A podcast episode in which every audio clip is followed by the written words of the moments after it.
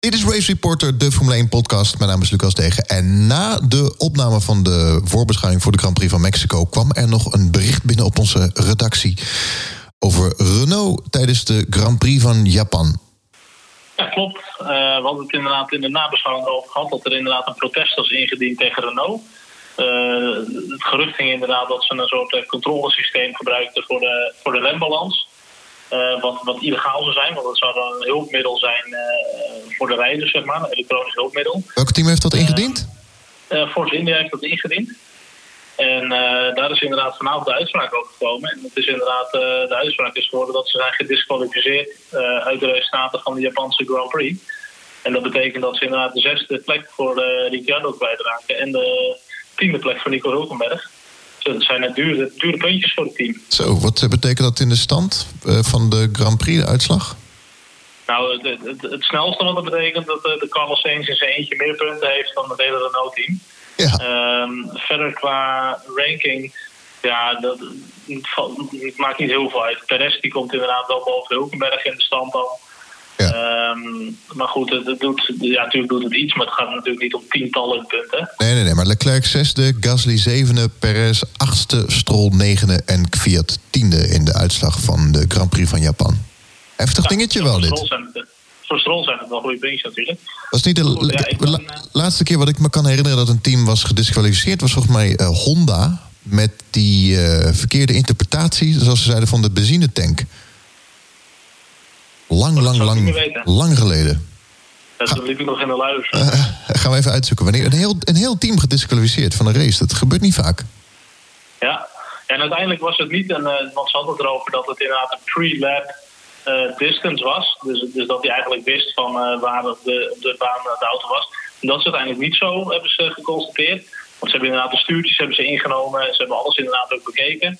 Um, maar goed, het is wel een, een driving aid, dus een hulpmiddel uh, wat, uh, wat niet uh, volgens de reglementen mag, zeg maar. Ja. Maar goed, nu is natuurlijk de vraag, Japan is dit gebruikt, maar de kans dat dit in races hiervoor ook is gebruikt is natuurlijk vrij groot. En dan kan het natuurlijk betekenen dat uh, misschien Renault wel volledig uit de uitslag geschrapt gaat worden als het voor hun tegen zit. En dan, dan hebben ze wel echt een heel groot probleem. Maar is, is dat nog te controleren dan, terugwerkende kracht? Principe wel. Kijk, ik, ik benoemde vorige keer al dat het zeer waarschijnlijk sowieso was dat ze het op de onboard zien. Dat, er, dat ze bijna geen rembalans hoeven aan te passen. Nu heb ik wel al gelezen dat het een, uh, een ex-medewerker van Renault is die waarschijnlijk met dit gerucht is gekomen. Die inmiddels bij, uh, bij Racing Point werkt. Uh, die was niet helemaal ervan op de hoogte, maar die heeft wel een balletje aan de lollen gekregen, zeg maar. Um, ja, maar goed, voor, voor Renault als zijn fabrieksteam, waar het natuurlijk eigenlijk al niet heel erg lekker mee gaat ja, is dit natuurlijk een klap. Uh, nou ja, vergelijkbaar met Singapore, met Crashgate wil ik natuurlijk niet zeggen. Um, maar het is wel iets wat een imago zeker kan schaden. Al heeft geschaad natuurlijk nu. Ja, doet mij ook denken aan uh, 2007 Ferrari McLaren. McLaren had data van Ferrari gekregen. Er waren wat kopieën ja, gemaakt. Ja, dat heb je inderdaad ook gehad. Ja, ja, dat, dat, in, in het. Dat, ja, kijk, dat zijn dingen dat ze echt overtreffende trappen. Dat is Ja. de crashgate nog de allerergste, waar nou Piquet Junior uh, met opzet moest crashen Ja. voor een safety car voor Alonso. De Spygate is natuurlijk ook wel, wel heel ernstig. Oh, dit is nu één team die uh, een, een illegaal systeem gebruikt. Het kan ook zijn dat ze dachten dat ze natuurlijk een maas in de wet hadden. Uh, dat ze dat stiekem doen. En uiteindelijk word je toch betrapt en word je op de vingers getikt. Ja, dat kan natuurlijk gebeuren. Je zoekt altijd de limiet op. Um, maar ja, wat de gevolgen gaan zijn, dat moet gaan blijken nu. Maar even, even een vraag voor, voor een leek. Uh, remsysteem, is dat niet van een uh, leverancier? Kunnen ze niet zeggen, joh, dat is een leverancier van ons, uh, die remschijven ontwikkelen we niet zelf? Ja, kijk, je hebt, je hebt een paar dingen. Je hebt de, de remschijf zelf. Maar de, de, de remmen die worden eigenlijk elektronisch bediend. Het is een brake-by-wire, heet dat.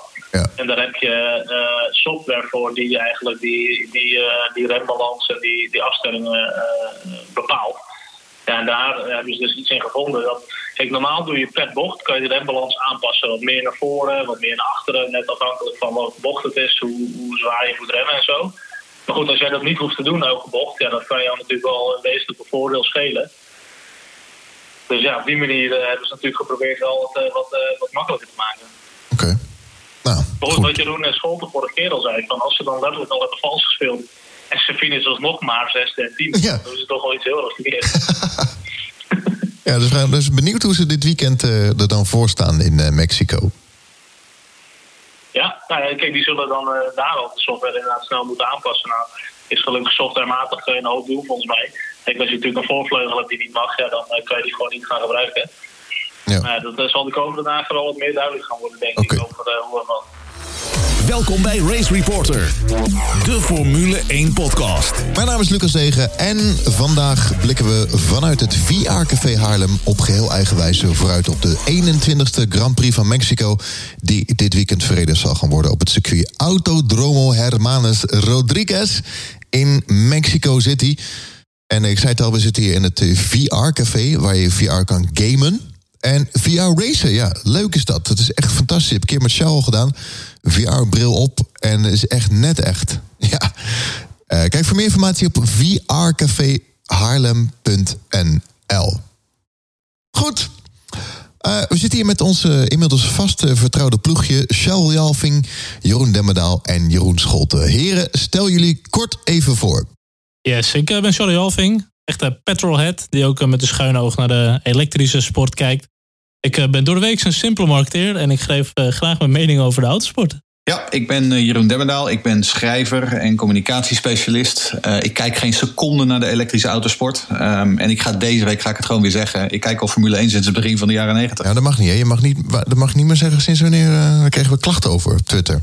Ja, nu wel. Nu weer wel. Nou, nu mag het weer wel. En ik ben Jeroen Scholte en ik ben eh, volger van de sport sinds de jaren 80. Dat mag ik wel zeggen. Ja. En ik ben ook strontgekouwen. En Jeroen, Jeroen Scholte klinkt een beetje als Erik de Zwart vandaag. Ja. Maar wie weet zit ik over twintig jaar of zo al in een eh, Formule E-podcast. En dat ik zeg, ik volg al Formule E eh, sinds eh, Oh ja. eh, 2015 of zo. Dan dat is ga best ik- wel stoer hoor. ja, maar dan ga ik voor Ja, de bal kijken of zo. Ja. Grand Prix van Mexico. Ik heb hem nog ergens op eh, VHS.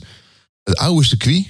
1,92. En eh, Ivan, Ivan Capelli die eh, bij de start meteen hem in de muur parkeerde. En eh, Nigel Mansell in gevecht met Ayrton Senna. Oh, dat is allemaal oud. Sinds een aantal jaar weer terug. En wat zijn jullie herinneringen aan deze Grand Prix? Max doet het hier goed. Dat zijn voor mij toch wel vooral de Max Verstappen herinneringen inderdaad. In 2017, de eerste keer dat hij Mexico won. Vorig jaar natuurlijk met Ricciardo. Dat hij eigenlijk Pole had kunnen pakken als jongste polsitter ooit. Eigenlijk zijn enige laatste echte kans. Eh, maar goed, uiteindelijk had hij wel Ricciardo te pakken vorig jaar eh, in de run naar de eerste bocht. Ja, dat was op zich ook wel prima natuurlijk. Twee keer op rij gewonnen Mexico. Dus eh, ja, dat zijn voor mij wel de, de meest mooie herinneringen. Ehm, ja, voor mij, ik ga terug naar 1990. Eh, Nigel Mansell buitenom bij Gerhard Berger in de Peraltada. Ehm, wat, ik, wat mij betreft nog steeds een van de meest fameuze en, en, en geweldige inhaalmanoeuvres ooit. Ehm, als je het nog nooit gezien hebt, zoek het even op op YouTube. Het is een prachtig fragment. Eh, de Peraltada is een bocht die eh, op het nieuwe moderne circuit niet meer bestaat. Daar hebben ze nu het eh, stadiongedeelte neergelegd. Ja. Dat stadiongedeelte is natuurlijk een drama uit racing oogpunt. Ehm, maar ehm, ja, dat is een van mijn mooie herinneringen. Mooie bochten, hè, was dat? De Peraltada was een mooie bocht. Zo. Ja, een soort parabolica-achtig. Ja, precies. En daar hebben ze inderdaad nu een stadiondeeltje van gemaakt met een, met een raar knikje erin waar helemaal nooit wat kan gebeuren. Ja. Daar heb ik niet veel aan. Jammer. En jij Jeroen, mooie herinneringen? Ja, het was ook 1990, maar vooral ook eh, niet alleen die, die, die inhaalactie van Mensel op Berken, maar eigenlijk ook de rondes daarvoor. Want het was eigenlijk al de laatste tien rondes of zo. eh, eerst lag Senna op kop, ging Prost er langs en Berker haalde Mensel in en Mensel weer terug Berker in, geloof ik al uit mijn hoofd. Het is echt de moeite waard om even terug te kijken. Laten we kijken naar de kansen van Max, want hij heeft het hier altijd wel goed gedaan. Hij is zelfs een keer nog van, van het podium afge- afgetrokken vlak voor de eh, huldiging. maar eh, wat eh, denken jullie wat Max dit weekend gaat doen? Ik denk dat hij het beter gaat doen als de laatste Parijs is, om eerlijk te zijn. Ja? Ja, dat denk ik wel. En dat heeft gewoon puur te maken met de hoge ligging van het circuit. En met de lage luchtweerstand. En het feit dat de Red Bull van nature veel downforce heeft. Dus ik verwacht wel dat hij het iets beter gaat doen. Ik weet niet hoe de Honda eh, omgaat met de lagere luchtweerstand.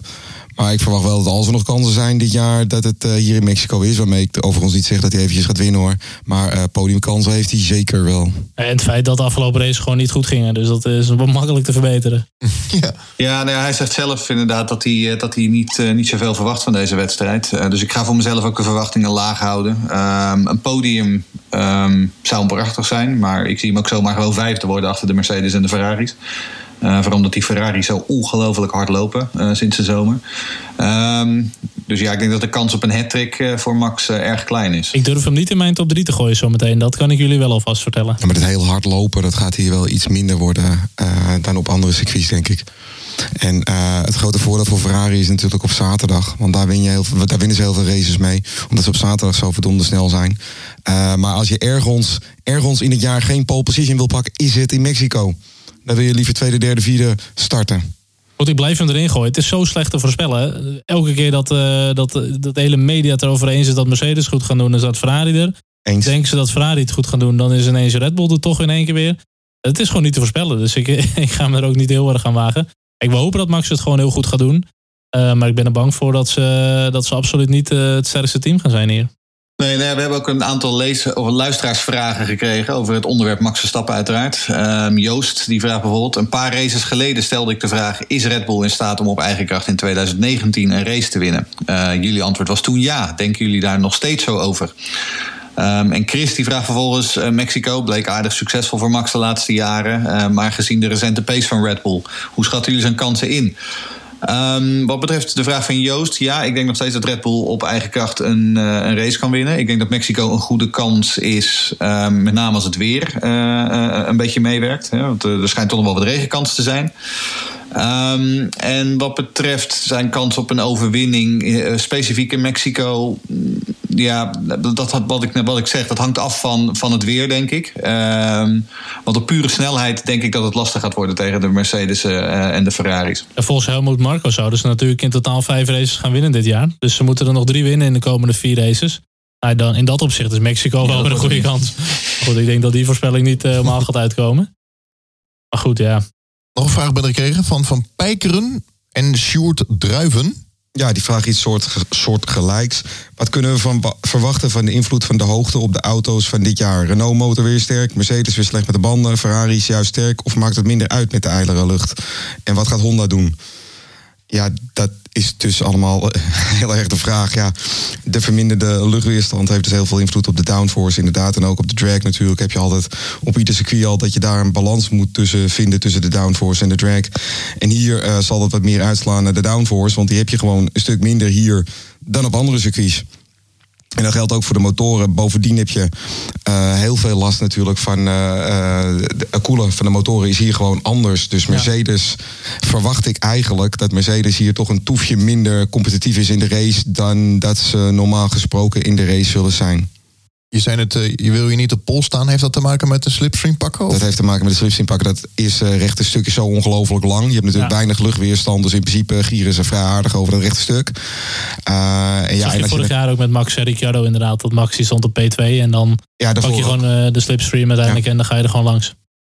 Ja, dan hebben we ook nog een vraag van Niek. Uh, die, die vraagt ook over die ijle lucht en over de hoogte. En die zegt dat Red Bull natuurlijk in het verleden succes had in Mexico uh, door de Renault-motor. Um, en hij vraagt zich af, biedt dat dan kansen voor McLaren dit jaar? Um, ik denk inderdaad dat dat wel het geval is. Want A, de McLaren is gewoon een goede auto. Dus in de delen waar ze downforce nodig hebben, daar gaan ze het gewoon goed doen. Bovendien, die motor, dat hebben we in Monza gezien, die loopt gewoon hard. Dus ik, ja, ik verwacht wel veel van McLaren in Mexico. Ja. Ja. Um, en ik geloof dat Jeroen Scholten vorige keer al zei dat uh, Sainz best wel dicht bij Albon in de, in de buurt bleef, in Japan. Um, dus ja, ik, als, als Sainz een goede dag heeft, um, wie weet, uh, dan heeft Albon er wel een flink gevecht voor zijn kiezen. En dat opzicht ben ik juist ook wel weer benieuwd naar Ferrari. Die hebben natuurlijk vaak een redelijke low downforce pakket. En juist een motor die heel goed gaat lopen. Nou, op de motor lever je hier gewoon in ten opzichte van slechtere motoren ik ben ook wel benieuwd hoe die uit de verf gaan komen qua setup en, uh, en feeling met de auto hier zo. Ja, de turbo's moeten hier gewoon veel harder werken. Ja. Met name. Gaat hier uh, McLaren pol pakken? Nou, dat lijkt me wel heel optimistisch. nee. nee. Nee, dat nee, sowieso niet doen. Nee. Maar, de, maar het team, zou, hier, het team zou hier wel rekening mee, toch? Dat je uh, drag pakt op, met pol. Dus dat, dat heeft, speelt mee met de tactiek, denk ik. Nou, ik denk dat je beter geen pol kan pakken hier. Dat ja, maar daarom. Dus, dus een team kan zeggen, joh, oké, okay, Vettel, als jij pol pakt, uh, hou er rekening mee dat Vettel of uh, Leclerc je inhaalt de eerste bocht. Hou er uh, rekening mee. Ze zouden hetzelfde kunnen doen natuurlijk als in Sochi. Daar had je eigenlijk een beetje hetzelfde. Van nou ja, geef dan die toe aan je teammate. Ja, die gaat er dan voorbij. Nou, dan, dan zou je de afspraak kunnen maken. Dan laat je die verderop in de ronde weer voorbij. Nou, we weten dat dat met Vettel en Leclerc niet helemaal goed afliep. Uh, maar goed, uh, als je als team op uh, 1 en 2 staat, ja, zou je zo'n afspraak wel kunnen maken. Absoluut. Ja. Want je wil als team je positie gaan verdedigen. Multi Dat is 21. een hele Ja. afspraak, hè? Want eh, toen, eh, volgens mij was het twee jaar geleden, reizen met vier man breed op de eerste Ja. bocht af. En dan moet jij je teamgenoot nog eventjes terug ervoor laten. Dat gaat hem niet worden. Ja, nee, maar je moet hem strategisch aanpakken deze. Het is niet zoals elke andere Grand Prix. Ja, ik denk wel overigens dat, hè, om even terug te gaan naar McLaren, eh, die hebben de afgelopen paar races eh, goede starts gemaakt. Eh, en als die dan inderdaad op plek 5, 6, eh 7 staan en dan een beetje een toe kunnen pakken, wie weet dat we deze keer wel gewoon een McLaren voor een Mercedes of een Ferrari zien eindigen na bocht 1 en 2. Ehm overigens hebben we ook nog een vraag van Liane, die vraagt over de extra DRS-zone die voor dit jaar is toegevoegd. Dat is ehm, voor het stadiongedeelte, dus na de S's. Daar zit een kort rechtstuk en daar hebben ze nu ook een DRS-zone in, in, aange, in aangelegd. Zij vraagt wat gaat dat geven? Eh, tegelijkertijd vraagt Monique waarom hebben we opeens nu een extra DRS-zone nodig? Is dat geen nadeel van Red Bull en, is een, en een voordeel voor Ferrari? Eh, nou, we zagen het in Singapore ook al, waar ook al een derde DRS-zone werd toegevoegd. Ehm, en de, de FIA is echt aan het experimenteren met het meer eh, eh, DRS-zones toevoegen aan circuits om op die manier het, het inhalen te verbeteren. En ja, het- dit is een baan waarop het kan. Ja. Je hebt drie delen inderdaad waar, ehm, waar snelheid We nodig hebben is. het al bij meer circuits gezien dit jaar inderdaad dat ze dat doen. Om inderdaad puur het inhalen gewoon te bevorderen. Want het is gewoon nog steeds moeilijk inhalen, moeilijk volgen. Dus ik denk dat het op zich niet eens nadelig is van Red Bull. Want als die echt de achtervolging in moeten zetten... dan eh, is de kans alleen maar groter dat ze toch nog een beetje bij gaan blijven. Ehm, nou, we gaan het wel zien. In theorie kan je hierdoor door de verminderde luchtweerstand en de mindere downforce waarschijnlijk ook dichter op je andere rijden. Ja. Op je voorganger rijden. Race Reporter, de Formule 1 podcast. Goed, dit weekend kan eh, Lewis Hamilton wereldkampioen worden. Eh, wanneer hij 15 punten meer pakt dan Bottas, is hij kampioen. Ehm, ja, klopt. Ehm, ik moet wel zeggen, persoonlijk, de hele discussie over wanneer eh, Hamilton kampioen wordt, vind ik zelf redelijk oninteressant. Het feit dat hij kampioen wordt, vind ik veel belangrijker. En of dat nu hier of in Austin gebeurt, ehm, nou ja, dat is dan maar zo. Maar inderdaad, eh, dit is inderdaad hoe het ervoor staat. Als Hamilton wint, dan moet Bottas vijfde worden. Eh, of lager. Eh, en dan wint Hamilton de titel. Eh, wordt Lewis tweede, dan moet Bottas negende worden. of lager. En wordt Lewis derde, dan moet Bottas in principe gewoon niet scoren. Dus wat het eigenlijk betekent is dat als Lewis geen podium pakt, ehm, dan is hij nog geen kampioen. En dan moet hij wachten tot in Austin. Is het niet zo dat iedere keer in het kampioenschap dat Lewis kampioen had kunnen worden, dat dit niet wordt? Vorig jaar werd hij natuurlijk ook in Mexico kampioen. Maar toen was de, de, de Grand Prix in de VS was natuurlijk eerder. Ja, dat bedoel ik. Dus dat ieder wel- jaar, ja. volgens mij bijna ieder jaar wel, dat hij het niet haalt. Dus ik denk dat hij dit, dit weekend niet gaat worden. Nou, als Bottas finish niet. Want als Bottas finish, dan finish hij gewoon in de top 6 en dan wordt Lewis... Ja, Ja, dat is wordt het heel moeilijk al. Ja, dat denk ik dus ook. Ehm, maar wat ik zeg, eh, ik denk dat het, het maakt mij ook niet zo heel veel uit. Als hij het in Austin wordt, is het ook goed. Kijk, het feit is, Lewis gaat gewoon kampioen worden en gaat gewoon zes wereldtitels binnenhalen. Ja. En dat is natuurlijk gewoon een, een, een prestatie van je welste. Oké. Ehm, geen storm hier in eh, Mexico. Hoe ziet het weer eruit in, eh, in Mexico? Ja, er is voor het eerst volgens mij een jaar in Mexico wel inderdaad kans dat het een regenrace kan worden. Ehm, het is dan met name inderdaad de zondag waarop de meeste kans is. Vrijdag is ook nog iets kans op regen, zaterdagochtend ook. Maar de meeste kans zit inderdaad wel op de zondag. En eh, het laatste wat ik inderdaad had gehoord was dat er eh, ongeveer iets van 60% kans op regen is. Ehm, we hebben inderdaad ook een vraag gekregen van Liane. Die vraagt ook de kans op regen tijdens de race. Is op dit moment 60% inderdaad. Welk team en welke coureurs kunnen hiervan het meest profiteren? Ja, zoals eigenlijk wel algemeen bekend is, wordt natuurlijk tijdens eh, een regenrace wordt de motor wat minder belangrijk, het motorvermogen. Eh, dan ligt het gewoon meer aan de coureur. eh, hoe goed je ook met de auto bent, hoe goed de setup van de auto is. Ehm, en dat zagen we natuurlijk ook wel een beetje in eh Hockenheim dit jaar. Dat Max Verstappen die komt dan uiteindelijk gewoon bovendrijven. Wat een race. Eh Stroll die doet het vaak wel goed. Maar goed, dan zul je inderdaad wel zien dat teams als eh, eh, McLaren en zelfs misschien een Renault... ineens, eh, doet het heel goed natuurlijk. als je hem dan wel op de baan houdt, dan. nee, maar goed, kijk, het brengt het hele pakket wat dichterbij. En vaak ook met de regenrace heb je toch wel wat safety cars of neutralisaties. Nou, dan, dan is het hele veld weer wat dichter bij elkaar. Ja, dan kunnen natuurlijk zelfs de jongens van Williams bewijs van richting het middenveld gaan strijden. Er kan van alles gebeuren, maar dat is gewoon. de playing field wordt eigenlijk gewoon wat gelijker gemaakt. En dat is altijd leuk. Ja, ik denk dat eh, Sergio Perez het goed gaat doen als het regent. Tja, Voor eigen publiek. Dat denk ik echt. zijn eigen publiek, ja. Ja, het zou wel leuk zijn natuurlijk. Voor Ja. de Mexicaanse fans. Nou, laten we het hopen. Regen in Mexico. We, we, we hebben zin in een regenrace. Dan de grote gesprekken. Afgelopen woensdag, eh, of was het vorige week alweer? Was er een eh, groot gesprek in Parijs. met eh, de FIA en de FOM en de teams. Eh, er is nog geen overeenkomst tussen de FIA en de FOM en de teams. Nee. Maar, maar even, even terug naar de, waar hebben we het over? Is het een, eh, een Concorde eh, agreement die afloopt of waar hebben we het over? Ja, het gaat inderdaad puur om de, de reglementen van 2021. eh, waar alle teams zich natuurlijk aan willen, willen vastleggen. Die willen natuurlijk ook weten eh, ehm, ja, waarmee ze in zee gaan voor 2021. En dat zijn inderdaad reglementen die in de basis worden samengesteld door Liberty en de FIA. Hoe, hoe lang stonden die vast? Volgens mij zeven jaar hebben ze in totaal Oh, nu gehad. En kijk, het doel uiteindelijk van deze nieuwe reglementen is dat FIA graag wil dat er beter geraced gaat worden. Dus dat ze dichter bij elkaar kunnen rijden, dat ze makkelijker kunnen inhalen. En dat is eigenlijk de, de basis die ze willen om gewoon meer spektakel te kunnen creëren voor de kijkers. Ehm, en de teams hebben natuurlijk ook wel baat bij dat het ook niet te duur gaat worden. Ehm, dus dat is een redelijk getouwtrek eh, hoe ze dat eh, eh, voor elkaar gaan boksen. Even tussendoor, FOM is degene die de beelden verzorgt, toch? Ja, klopt, ja. Oké, even voor de duidelijkheid. Liberty, ja. Ja.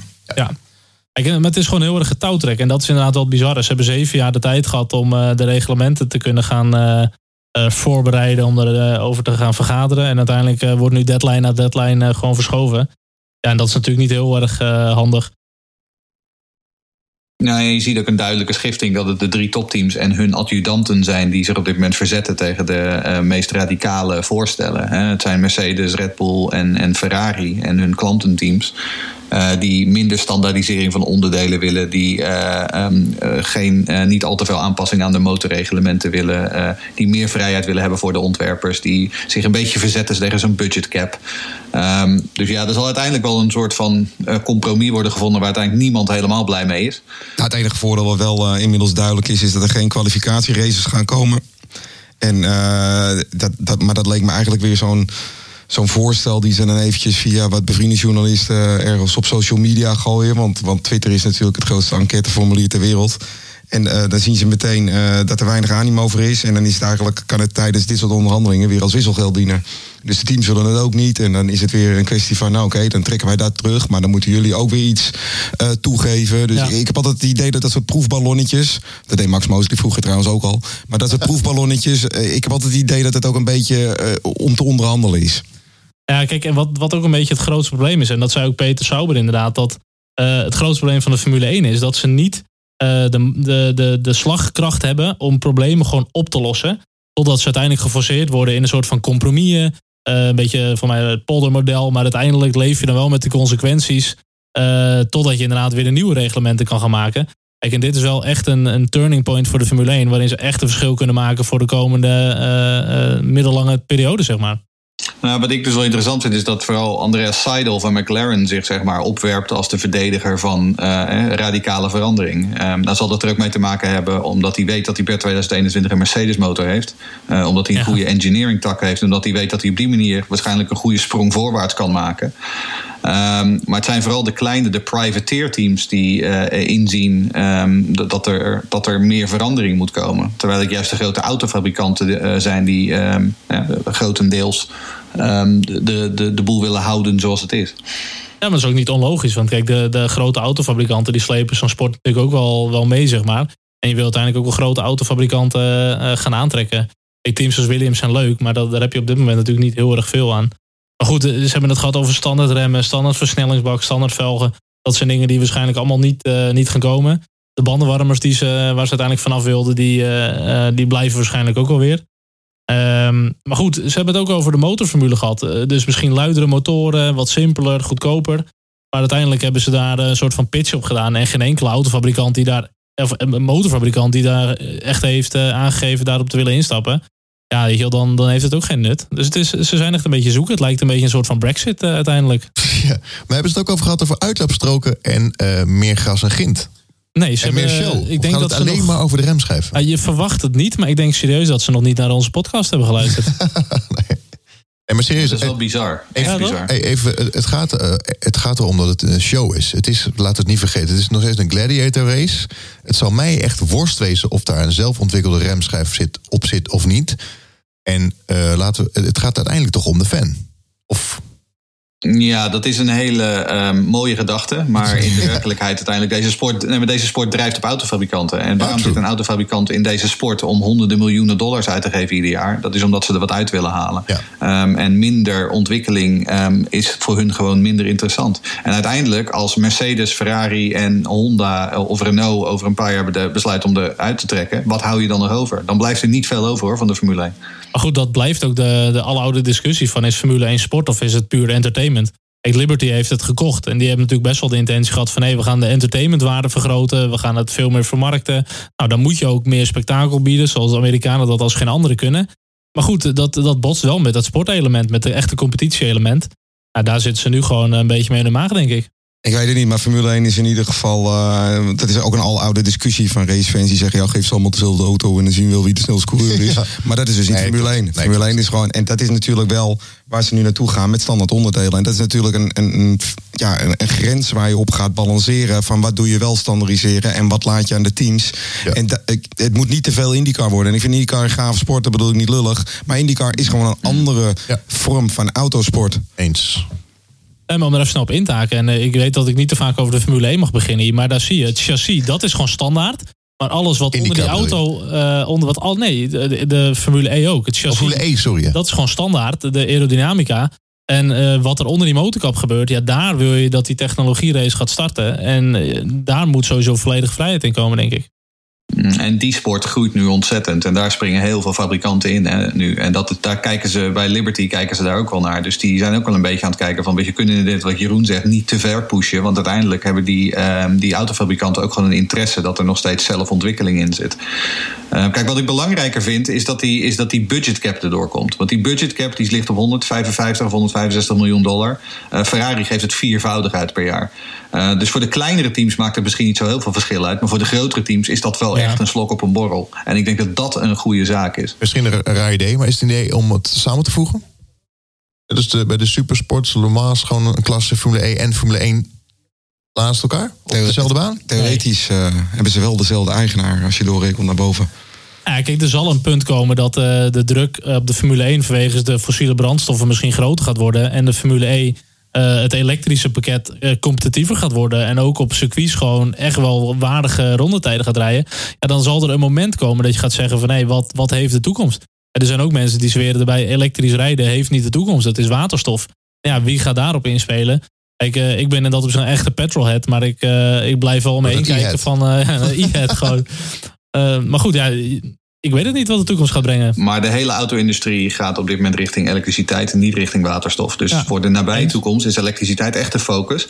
En als je kijkt naar de Formule 1, ehm, dat, die rijden in principe met een soort mild hybride systeem. Terwijl je in de autowereld natuurlijk ook nu plug-in hybrides heeft. En dat komt al dichter bij de Formule E. Dus ik zie ze op termijn best wel samengaan inderdaad tot een soort eh, plug-in hybride eh, klasse.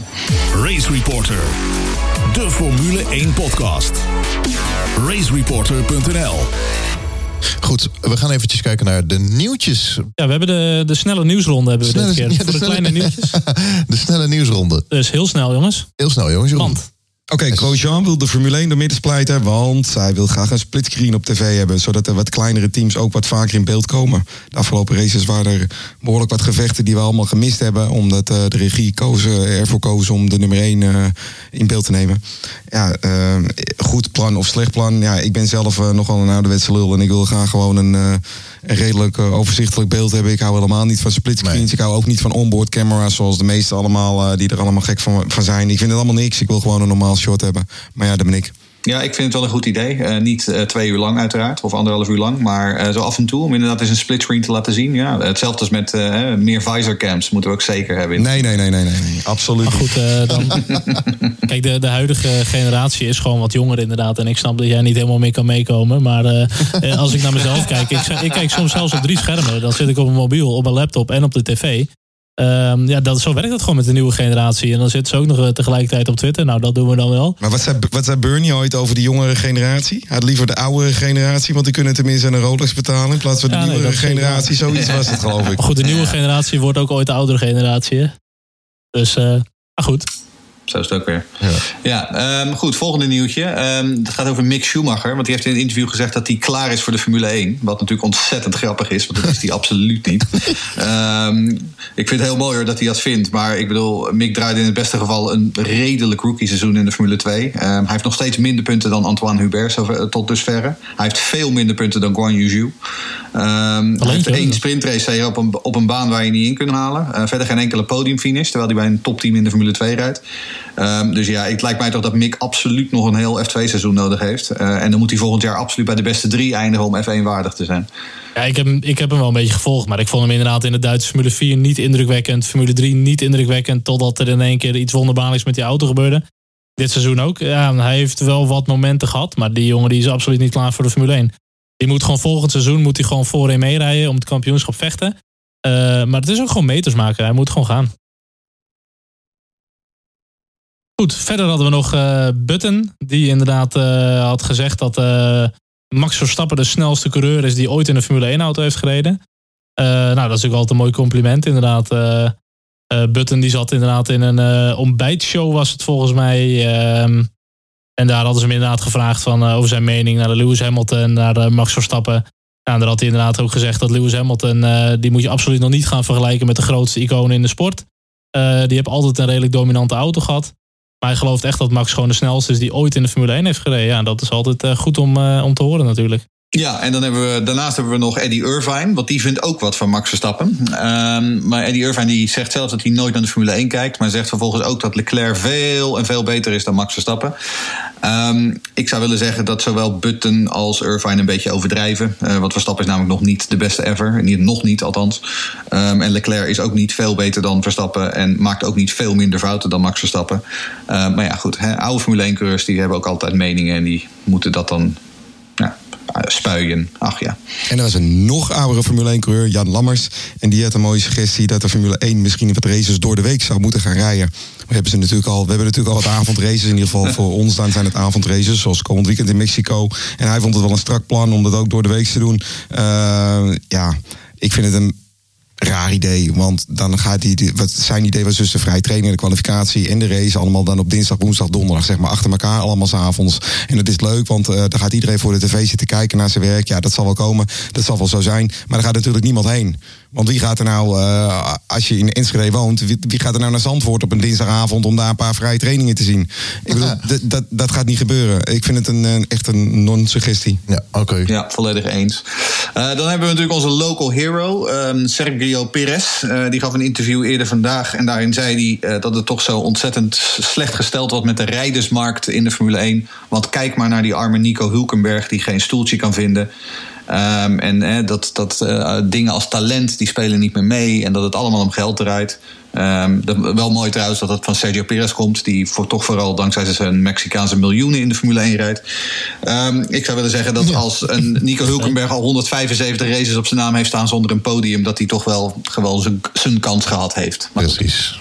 Ja, eens. Uh, verder, Latifi krijgt van Williams drie free practice one outings op rij. Uh, Mexico, de United States en Brazilië. En hij vervangt uh, Kubica in Mexico. Ja, prima natuurlijk. Ik bedoel, die jongen die wil volgend jaar gewoon instappen. Die heeft in totaal nu in de Formule 1 acht vrije trainingen gehad. Onder andere ook bij Force India, Racing Point en dit jaar natuurlijk bij Williams. Ja, prima. Hij zei ook, I'm really excited to get back in the car. Nou, dat vind ik super leuk voor hem. ik ben blij. Ja, topper die Latifi. Um, dan gaan we racen in Miami. Tenminste, als de gemeenteraad van Miami het daarmee eens is. Um, um, Herman Tielke heeft een mooi Tielke-droom rond een sportstadion uh, ontworpen. Uh, dat is in de VS een beproefde methode, want in Toronto doen ze dat al jaren. En vroeger deden ze dat ook in Vancouver en in de Meadowlands. We hadden ook ooit nog in de Formule 1 Dallas en Las Vegas. Dat was een parkeerplaatsen van casino's. Het waren ook geweldige circuits. ja, het minste wat je kunt zeggen over de baan is dat er in ieder geval een paar goede inhaalpunten op, op zitten. Um, maar verder um, ja, is het niet echt dat je zegt een wereldbaan. Ik, ik word er niet heel erg warm van. waar ik wel heel erg van om moest over was het persstatement. waarin ze probeerden om de slogan van de Indy 500 te stelen. Uh, de Indy 500 heeft een officieel beschermde slogan genaamd The Greatest Spectacle in Racing. En nu zeiden de mensen van Miami dat F1 in Miami the greatest racing spectacle on the planet ging worden. Nou ja, dat lijkt me toch niet. Maar goed. Verder uh, vandaag het nieuws binnengekomen dat inderdaad de Formule 1 die gaat de Grand Prix van Mexico op Twitch streamen. Leuk. Um, ja, op zich prima. Wel net natuurlijk al over de jongere doelgroep. Ja. Uh, Jeroen Scholten wist inderdaad ook niet wat Twitch was. En hij wilde er ook niks van weten. Ik net vragen, ja. um, Werkt het ook met mijn uh, inbelverbinding via de telefoon? Ja, zeker. Oké. Okay. Ja. Ja, 06 Twitch is het. Maar goed, ik, heb even een, uh, ik had even op Twitter inderdaad even een tweetje geplaatst. En ik had op zich best wel veel positieve reacties inderdaad. Kijk, de Formule 1 probeert gewoon een nieuwe doelgroep aan te spreken. Twitch is een soort van game streaming platform waarop als je aan het gamen bent kan je dat streamen. Als je niet aan het gamen bent kan je gewoon meekijken. En ze Ja, gaan chatten, eh, testen, ja, zo, je kan chatten. Dus ze gaan de race streamen met wat, wat gaming elementen, interactieve elementen. En ze gaan ermee testen in Duitsland, Luxemburg, Zwitserland, Denemarken, Noorwegen en Zweden, Jeroen. Moeten wij ook gaan doen. Ja, nou gekhuis. Ik, eh, maar ik geloof niet dat ik de doelgroep ben, dus ik denk dat ik het over ga slaan. Ehm, dan hebben we nog iets in de categorie geruchten, geruchten, geruchten. Die zijn er altijd in de Formule 1. Eh, volgens de altijd wel in, eh, ingevoerde journalist Joe Sayward eh, uit het Verenigd Koninkrijk. Die zegt dat Alfa Romeo gaat vertrekken uit de Formule 1 na 2020. Ehm, want die zijn natuurlijk sinds 2018 samen met Sauber. Uh, en dat zou er dan mee te maken hebben met het feit dat Alfa um, niet zo lekker draait als bedrijf. Um, nou, ik moet zeggen, ik heb, ben even naar de nummers gaan kijken, uh, de cijfertjes gaan kijken. Het loopt inderdaad niet heel lekker bij Alfa op het moment. Maar ja, dat, komt ook, met, dat heeft ermee te maken dat ze gewoon te weinig auto's hebben. En ja, het zou kunnen. Maar ja, dat vraagt, werpt dan natuurlijk wel de vraag op wat dat met Sauber gaat betekenen. Want dan heeft Sauber een nieuw geldschieter nodig. Ja, het ziet er op zich niet heel rooskleurig uit inderdaad. En ik heb inderdaad ook iemand die mij vaak een beetje op de hoogte houdt van dit soort geruchten. En die zei ook dat, dat bepaalde branches die liggen ook weer helemaal op hun gat in het buitenland. Onder andere Duitsland en zo. En dat gaat gewoon zijn gevolg hebben. En uh, ja, het zou zomaar kunnen hoor. Dat ze uiteindelijk denken van uh, sponsoring halen we niet genoeg uit. Het is gewoon te duur. En uh, we stoppen er weer mee. Nou ja, een nummertje. Uh, ik bedoel, Alfa Romeo verkoopt bijna 70% van hun auto's in Europa. En tot dusver dit jaar zijn de verkopen in Europa met 42% gedaald. Dus nou ja, um, die hebben wel wat anders aan hun hoofd nu. Ja. Dat is wel, wel jammer voor Charles, want die moet steeds aan de nieuwe naam wennen. ja, klopt. Even weer een nieuwe naam. Ja, en Alfa Tauri, hè? Alfa Tauri krijgen we ook al. Ja, maar wat als het nou weer gewoon Sauber wordt? Ja, dan hebben we gewoon geen probleem. Dan hebben we. Hey, eh, van de week even, kunnen we misschien even oppakken, even kort. Uh, Zandvoort kwam in het nieuws. Het circuit zou uh, begonnen zijn met de bouw, maar er was nog geen vergunning voor. Wat nou weer?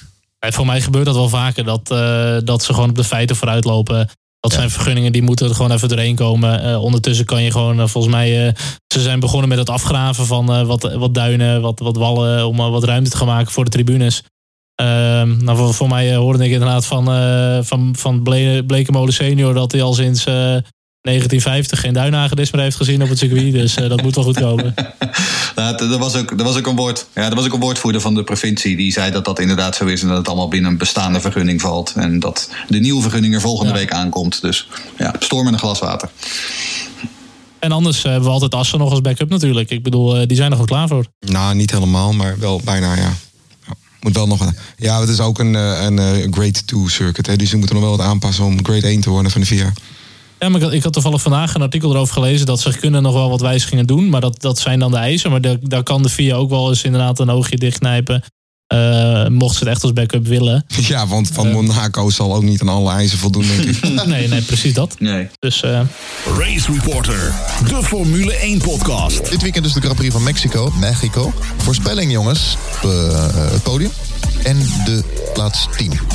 Formule1podcast.nl Ja, ik denk dat toch Ferrari het wel goed gaat doen uiteindelijk nog. Uh, die zitten gewoon in een goede flow. Vettel die zit er gewoon weer bovenop. Dus ik heb nu Vettel op 1, Leclerc 2, Hamilton 3. En onze thuisheld uh, Perez uh, nummer 10. Uh, nou, dan ga ik gewoon uh, dat uh, de, in de regen gaat Max Verstappen winnen.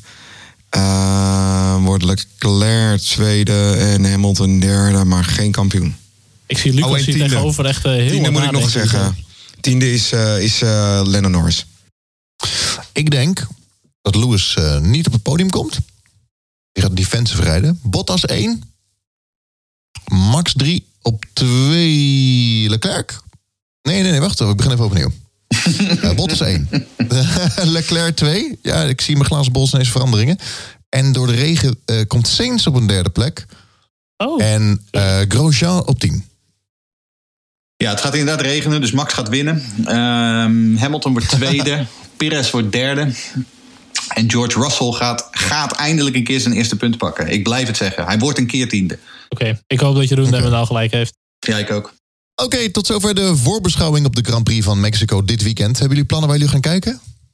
Ja, Ja, voor de tv. Oh, oké. met, met twee schermen of drie schermen. Nee, met één scherm. Ge- Gespleten ook. Eén, één scherm. Ik ga lekker naar Rotterdam. Ik zet wel een sombrero Ja, op trouwens. Vertel, vertel ons meer. Sombrero, heel goed. Ja, nee, ik ga lekker in, eh, in eh, zo'n Irish pub zitten. Dat vind ik wel leuk. Biertje erbij. Zondag, Rotterdam. Zomaar gewoon. Ja, dat kan. En jij, Sharon? Ik eh, denk gewoon lekker even een keer thuis weer. Ja. ja. Jeroen, D? Ja, nee, ik ook thuis. Tien over acht 's avonds. Lekker. Prima. Dus Oh, het is in de avond inderdaad, ja. Ja, Klopt, ja. tien over acht 's Ja. avonds, hè? Klopt, klopt. Inderdaad. Kwalificatie zaterdag om 8 uur. De race zondag 10 over 8. Laten we hopen dat Max het weer goed gaat doen. Dat hij niet weer van het podium afgeplukt wordt. Staat, eh, staat er weer een DJ op het podium dit jaar? Ja, ongetwijfeld. Ze maken ja. er altijd wel een feestje van, volgens mij. Weet je nog dat eh Kimi Räikkönen op, op het podium stond? Van, wa- wat doet Ja. die gast hier? Fantastisch. En volgens mij was het eh, Max met Armin van Buren Met 2000. Van Buren, ja. ja, ja. Dat was een mooi feest toen daar zo, ja. Oké. Eh, bedankt voor het luisteren. Like, share, doneer vooral. En eh, reageer via Twitter natuurlijk. En ga naar onze website racereporter.nl. Volg ons op Facebook, Instagram en Twitter. Dank voor het luisteren. En heren, bedankt voor jullie medewerking. Uiteraard. Graag gedaan. Arriba, arriba.